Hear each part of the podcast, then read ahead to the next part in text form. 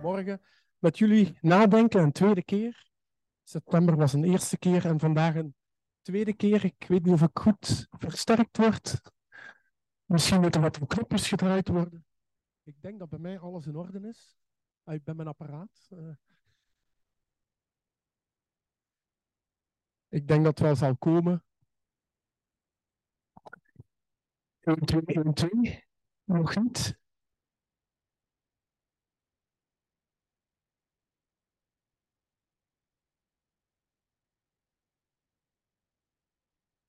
Vanuit hier.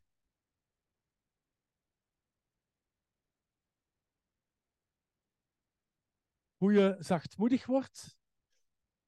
Heb de moed om zacht te zijn. Ja. En dan in één keer klinken we heel zacht. Wij zijn de vorige keer met de tekst blijven hangen. Matthäus 11, vers 28 tot 30. En dat is een tekst die, als je die op je laat inwerken, dat blijft maar verder gaan. Dat werkt maar door in je leven. Dat is met andere Bijbelteksten ook zo. Soms kan het jaren duren dat je een paar keer een Bijbeltekst uh, leest en het doet je ogenschijnlijk weinig. Maar dan lees je die een paar keer en een paar maanden later nog eens. En dan dringt het dieper door. Kom alle bij mij, zegt Jezus. Jullie die vermoeid zijn en onder lasten gebukt gaan. Ik zal jullie rust geven. Neem mijn juk op je en leer van mij. En dan komt het wat we gezongen hebben. God is zacht van hart, uw hart is zacht. En Jezus zegt, ik ben zachtmoedig en nederig van hart. En als we komen bij Hem, bij zijn zachtmoedig hart, dan gebeurt er iets wonderlijk. En dan mogen we telkens opnieuw weer ervaren als we bij Hem komen, als we in Gods woord lezen, als we bidden, als we praten met Hem, als we Hem danken, als we stilstaan in dit leven, dan zullen jullie werkelijk rust vinden. Want mijn juk is zacht en mijn last is licht. Jezus wil ons zielenrust geven door het juk van mildheid en zachtmoedigheid. En als we dat juk van Jezus op ons nemen en een levende relatie met Hem uitbouwen, dan leren we in de eerste plaats op zachtmoedig en vriendelijk te zijn. Dan worden we een beetje zoals Jezus. Dan komt dat karakter van Jezus, dat karakter van God, komt in ons leven binnencijpelen. Dat is een proces. Dat gaat niet van de ene op de andere dag. Maar dat is een proces, dat duurt jaren. Er was dus een predikant die vertelde over een vriend. En die vriend was een van de zachtmoedigste mannen die hij ooit was tegengekomen. Alles wat die vriend deed, had iets zachtmoedigs. Het was alsof de rust zelf kwam binnenwandelen. Hij ging vriendelijk met anderen om. om. Zijn vrouw en zijn kinderen in zijn gezin, uh, ze gingen naar de kerk. Alles was in een sfeer van zachtmoedigheid en vriendelijkheid. Maar zijn volwassen kinderen vertelden dat ze vroeger bang waren van hun vader. Voordat hij tot geloof kwam, was het een tiran. Hij was helemaal niet zachtmoedig. Een keer, op een keer sneed een auto hem af en hij reed die auto achterna. Hij sneed hem terug af, die auto. Hij nam die man uh, uit de auto, deed de deur open, trok die man bij hem en gaf hem een klap dat hij bewusteloos was. En zijn kinderen hadden alles gezien. Zo was hun vader. Hij zat vol met woede. Hij was ja, vlug ontvlambaar. Hij was hard in het leven. Ze durfden nooit tegen hem in te gaan, want ze dachten, oei, als we tegen mijn vader ingaan, dan krijgen we ook zo'n klap. En hij vertelde die man dat hij vol voor zijn bekering vol van haat zat. Hij had ooit een huurmoordenaar gecontacteerd om een zakenman die hem dwars had gezeten te vermoorden. De enige reden waarom hij niet doorgezet had, was dat hij bedacht, die zachtmoedige vader voor zijn bekering, dat hij bedacht van oei, als ik daar hierin doorzet, dan kan ik wel eens voor lange tijd, misschien wel mijn hele leven, in de gevangenis moeten zitten. Hij was ook hard voor zijn gezin en hij wist dat ze bang voor hem waren. En hij maakte daar ook gebruik van. Hij was een echte tiran. Maar toen zei hij, Jezus heeft mijn leven veranderd. Er is verandering mogelijk. Hij veranderde in een fantastische vader, een fantastische echtgenoot, door de jaren heen. De hardheid sleep eruit en Jezus kwam met zijn zachtmoedige geest in het leven van die man. Hij nam het zachte juk op zich en vond rust. Misschien herken je het niet, misschien herken je het wel, maar ja, sommigen van ons zitten misschien ook nog met boosheid of onverwerkte dingen uit het verleden, haat, woede. Misschien behandel je anderen ook wel eens hard. Ben je snel op de tong? Heb je vaak ruzie? Denk je van ik moet het laatste woord hebben of ik wil gelijk hebben? Het zit eigenlijk allemaal wel in ons allemaal wel een beetje. Dat wil God niet. Dat is verdrietig, dat is ook geen leven. Voor de anderen niet, maar ook voor jezelf niet. Er is een betere manier van leven. Er is een beter pad dat je kunt inslaan. En dan heb ik het niet over het achtvoudige pad van het boeddhisme, maar dan heb ik het over het, het pad van zachtmoedigheid, het pad van Jezus. Het is beter voor je hart, geestelijk zowel als fysiek. Probeer het. Het pad van zachtmoedigheid. En je zal rust vinden in je ziel. Je gekwetste ziel. Misschien je boze ziel, je chaotische ziel. Dingen die nog niet op zijn plaats zijn gekomen. Geef het aan God. En Hij zal je leren om te rusten. Jezus leert ons om te rusten in God de Vader. Uh, ik heb nog ver, verzen uit Spreuken meegebracht. Spreuken 25, vers 15 en uh, eh, 15, vers 1 vind ik eigenlijk hele mooie spreuken. Dat is zo, ja, een spreuk is heel kort en krachtig. Een heerser laat zich overtuigen door geduld. Kalme woorden breken kracht tegenstand. Uh, lezen we in de NBG-vertaling. In de NBV-vertaling, de nieuwe Bijbelvertaling, staat er: Een zachte tong kan beenderen breken. Een zachte tong neemt zelfs het hardste verzet weg. Zachtmoedigheid heeft zo'n grote kracht dat het kan breken. Spreuken 15, vers 1. Een vriendelijk antwoord doet drift bedaren. Krenkende woorden wakkeren woede aan. Wil je dat ruzie escaleert? Wel, dan hoef je niet zoveel te doen. Gooi er wat boze woorden tegenaan. En ik zie het wekelijks op de speelplaats met, met de kinderen. Lagere school, middelbare school. De ene zegt iets, de ander zegt iets terug dat net iets venijniger is. En dan, en dan is het pingpong. En ik heb geleerd door de jaren heen om in te grijpen voordat het helemaal uit de hand loopt. Zeg ik van, ga jij maar daar even spelen en ga jij maar daar, want ik denk dat het het gaat hier nog een minuutje duren. Gaan jullie gaan vechten. Woorden, boze woorden. Reageer net zo onvriendelijk als die ander en doe er een schepje bovenop. Als je terugslaat, ja, dan wordt het nog erger. Dan is het alsof je olie op het vuur giet. Dat is een goed recept als je ruzie wil. Uh, wees onvriendelijk terug. Maar als je hard verzet, als je harde onvriendelijkheid wil breken, reageer dan zachtmoedig en nederig van hart. Soms betekent dat je gewoon moet zwijgen of gewoon moet weggaan. Een predikant die voor zijn kerk een vergunning wou aanvragen voor, een, voor het, het gebouw, om daar de diensten, de erediensten te organiseren en andere kerkactiviteiten, die werd door de ambtenaren van het gemeentehuis arrogant uitgelachen. En ik kreeg te horen, dat gaat nooit gebeuren. Die vergunning, wij gaan u dat nooit toestaan. En hij voelde zich onrechtvaardig behandeld. Hij dacht, die mensen hebben mij slecht behandeld. Het zijn ambtenaren, ze behoren het publieke belang te dienen, maar ze hebben mij niet gediend. Welk recht hebben ze om zo arrogant, me zo onrechtvaardig te behandelen? En hij worstelde en hij dacht erover na en toen hij bidde. En God zei tegen hem in zijn gebed, je moet teruggaan naar het gemeentehuis. Maar dan met een zachtmoedige geest. Niet op je rechten gaan staan, geen dreigementen uiten, maar nederig van hart. Ga terug naar het gemeentehuis met een zachtmoedige geest. En met de staart tussen de benen ging hij terug, die predikant. En hij kwam als wonder eerst de burgemeester tegen. Vertelde heel rustig en zachtmoedig hoe hij behandeld geweest was, dat hij dat niet eerlijk vond, maar met een zachtmoedige geest. En de burgemeester nam het voor hem op en gaf de ambtenaren die hem zo hadden uitgelachen de, de opdracht om die vergunning te verstrekken. Er was geen hoogoplopende ruzie. Er vielen geen boze woorden. Er was geen strijd bij de predikant van ik ga door tot ik in mijn recht ben, ik ga door tot op het bot. Nee, alles was rusteloos, of rimpeloos, beter gezegd, rimpeloos verlopen.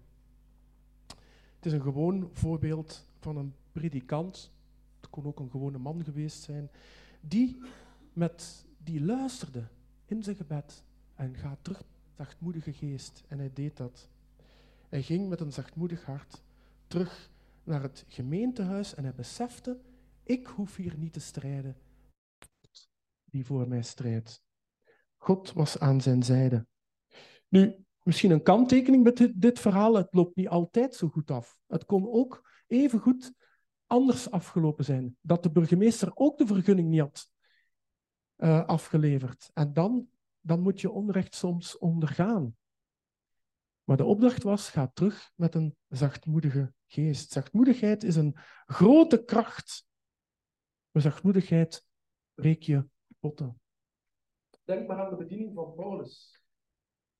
Ja, Paulus, dat is iemand die soms heel krachtig uit zijn woorden komt, sterk uit de hoek.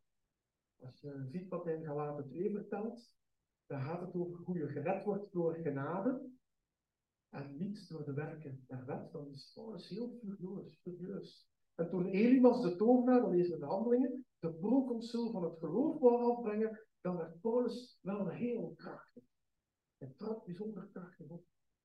Maar desondanks, krachtige taal van Paulus, zijn soms krachtige optreden, was Paulus' bediening in het zijn bediening in een geest van zachtmoedigheid en nederigheid. En mag ik u eventjes meenemen naar 1 Thessalonicense 2, vers 7 en 8, waarin we dat proeven, die zachtmoedigheid van de bediening van Paulus. Nu is Paulus aan het woord. Hoewel we ons als apostelen van Christus hadden kunnen laten gelden, had van zijn positie vaak gebruik, misbruik kunnen maken, zijn we u tegemoet getreden met de tederheid van een voedster die haar kinderen koestert. Dit, dit vind ik heel ontroerend. De tederheid van een voedster. Die zachtmoedigheid, zachtheid van Paulus. Vanuit die gelegenheid voor u waren we niet alleen bereid u te laten delen in Gods evangelie, maar ook in ons eigen leven. Paulus is zachtmoedig. Paulus heeft die zachtmoedigheid van God in zijn leven laten doorcijpelen en is ook heel transparant geworden. Kijk, dit is mijn leven. Het is heel eenvoudig. Ik ben een dienaar van Christus.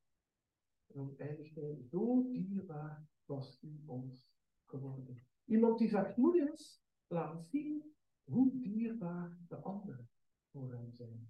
Hoe dierbaar de Heer Jezus voor hem is. Hoe dierbaar God voor hem is. En natuurlijk zijn er tijden dat we op onze strepen mogen staan, dat we vasthoudend, confronterend moeten zijn, dat we de waarheid van het evangelie niet moeten verdoezelen, maar ervoor mogen opkomen. Maar dat kan tegelijk een geest van mildheid. Je gaat verkondigen zonder zachtmoedigheid, dan zal er weinig kracht vanuit gaan. We kunnen slaan met onze Bijbel, we kunnen mensen de kop inslaan met Bijbelteksten, maar als het niet met zachtmoedigheid gepaard gaat, dan gaat er weinig kracht vanuit. Paulus' bediening was doordrongen van zachtmoedigheid.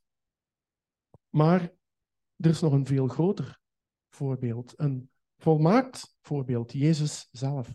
Degene die zelf zei, kom tot mij en ik zal u zachtmoedigheid geven. Wel, de Zoon van God die met al de macht in handen zijn hemelse heerlijkheid verliet, afzag van zijn goddelijke privileges en komt in de gedaante van een mens, zoals in de Colossensbrief staat. Hij wordt niet geboren in een rijk paleis, maar groeit op in, in een eenvoudig gezin. Als hij dertig is, gaat hij in de bediening, toont hij de mensen hoe God is. Toont hij het hart van God. Toont hij, uw hart is zacht, wat we gezongen hebben. Jezus laat zien dat God niet afstandelijk is, maar een liefdevolle vader is die heel dichtbij wil zijn. En dan, de volgende dia, ja. Jezus gaat dan in de bediening als hij dertig is. Hij doet wonderen. Hij geneest zieken. Hij vergeeft zondaars. Hij praat met Zacchaeus, met Nicodemus, met de Samaritaanse vrouw, met de overspelige vrouw. En hij laat zien dat God van mensen houdt. En in elk van die ontmoetingen zie je die, die wijsheid van je, die volmaaktheid. Hij is zonder zonde. Zie je ook die liefde die Jezus heeft, die zachtmoedigheid voor anderen. Elke ontmoeting met Jezus is weer speciaal. En ook zijn onderwijs is, is krachtig. Een onderwijs dat de, de mensen indringt. Eén keer heeft hij voor duizend mensen van op de helling van een berg, de bergreden noemen we dat, Matthäus 5 tot 7. Als je dat doorleest, we het met de kennismakingscursus afgelopen dinsdag nog gehad over een aantal dingen die in de bergreden staan. Dat je niet bezorgd hoeft te zijn, want God zorgt voor de bloemen in het veld. God zorgt voor de vogels. Zou hij dan ook niet voor ons zorgen? Wat een onderwijs. En overal waar Jezus is, stroomt het volk naar hem toe. En drinken ze zijn boodschap in, want ieder had nood aan zijn reddende, zachtmoedige boodschap. Maar dan, als we het leven van Jezus verder bekijken, zien we dat er ook tegenstand komt. En ook de manier waarop Jezus met tegenstand omgaat, soms hele scherpe woorden, maar heel vaak geeft hij ze nog een kans en probeert hij ze om te draaien, probeert hij God te laten zien, ook aan zijn vijanden. Slechte mensen grijpen hem en hij ondergaat een schijnproces, hij wordt gegezeld, mishandeld, hij wordt gekruisigd. En Jezus laat dat allemaal over zich komen. Niet als een slachtoffer dat geen andere kant meer op kan, als een kat die in het nauw zit, maar heel bewust geeft hij zich daaraan over. krachtig zachtmoedig kiest Jezus de weg die zijn vader voor hem had uitgestippeld. Hij werd niet vernederd, maar hij heeft zichzelf vernederd en is de vader gehoorzaam geworden tot aan het kruis. Jezus is het punt van nederigheid.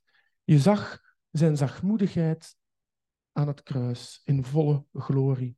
Jezus was niet machteloos. Hij had beroep kunnen doen op honderden, duizenden, miljoenen engelenlegers om hem van het kruis af te halen, om de tegenstand in één ruk, in één ademtocht uit te vagen. Hij deed het niet, omdat hij vol van liefde en zachtmoedigheid was. Hij stierf om zijn vijanden vrij te maken. Hij zei: Vergeef het hen, want ze weten niet wat ze doen. Hij vernederde zich om ons te verhogen. Hij werd een vloek, opdat wij gezegend konden worden. Hij stierf, opdat wij zouden leven. Wonderbaarlijk, als we het karakter van Jezus zien. Jezus die ons kwam laten zien hoe God was. Jezus laat eigenlijk het karakter zijn vader zien. En we zullen nooit hier op aarde de diepte kunnen peilen van Jezus' verlossingswerk. We weten genoeg om Hem te kunnen dienen, maar om het ten diepste te peilen, het lukt ons niet. We zijn ons hele leven daarmee bezig. Jezaja 53 helpt om ons te begrijpen wat Jezus heeft gedaan. Dat is ja, Jezaja 53, vers 7. Hij werd mishandeld, maar verzette zich niet. Zachtmoedigheid. Hij deed zijn mond niet open. Zachtmoedigheid. Als een schaap dat naar de slacht wordt geleid, als een ooi die stil is bij haar scheerders, deed hij zijn mond niet open. Jezus, de zachtmoedige koning, hij die Jeruzalem een week tevoren was binnengereden op een ezel, nederig van hart, zachtmoedig. Geen koning die het allemaal eens kwam zeggen hoe dat allemaal moest, maar een koning die kwam laten zien wie hij was. Een koning die het verlangen had om mensen terug bij de Vader te brengen. Hij deed zijn mond niet open. Hij heeft in zijn leven zijn mond wel open gedaan af en toe, op de juiste manier, op de juiste plaats, deed hij, hij verjoeg de handelaars uit de tempel. Ook met heilige zachtmoedigheid. En aan het kruis deed hij zijn mond niet open. Daar gehoorde hij zijn vader. Maar op de derde dag is voldaan aan Gods rechtvaardige eis en Jezus staat op uit de dood. En een laatste gedachte, als je met je hart gelooft, als je die levenslijn, die levensloop van Jezus ziet en je zegt, ja, dat, dat, dat is mijn Heer, dat is mijn Koning. Als je met je hart gelooft en met je mond beleidt dat Jezus Heer is, dat Jezus jouw Heer is, dan zal je nieuw leven ontvangen. Laat Hem je leven vullen met Zijn zachtmoedigheid en nederigheid. Amen. Laten we bidden. Vader in de hemel, we zien op deze wereld, Heer, zoveel plaatsen waar zoveel tekort is aan zachtmoedigheid. Ook in ons eigen leven, Heer. Maar we zijn u zo dankbaar, Heer, dat we u mogen kennen. Dat we u mogen dienen.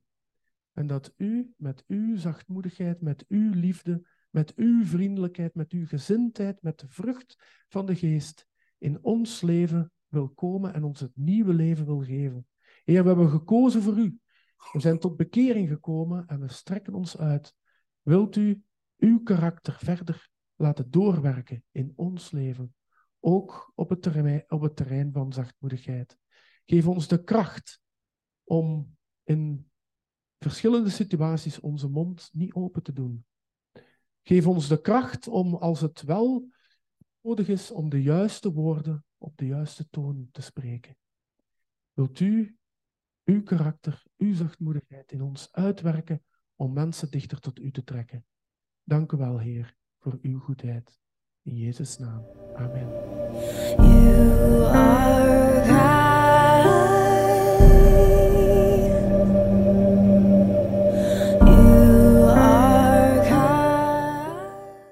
Wil je naar aanleiding van deze preek napraten of heb je verdere vragen? Neem dan gerust contact op. Dat kan via veg.deburg.gmail.com of kijk op onze Facebookpagina VEG De Burg.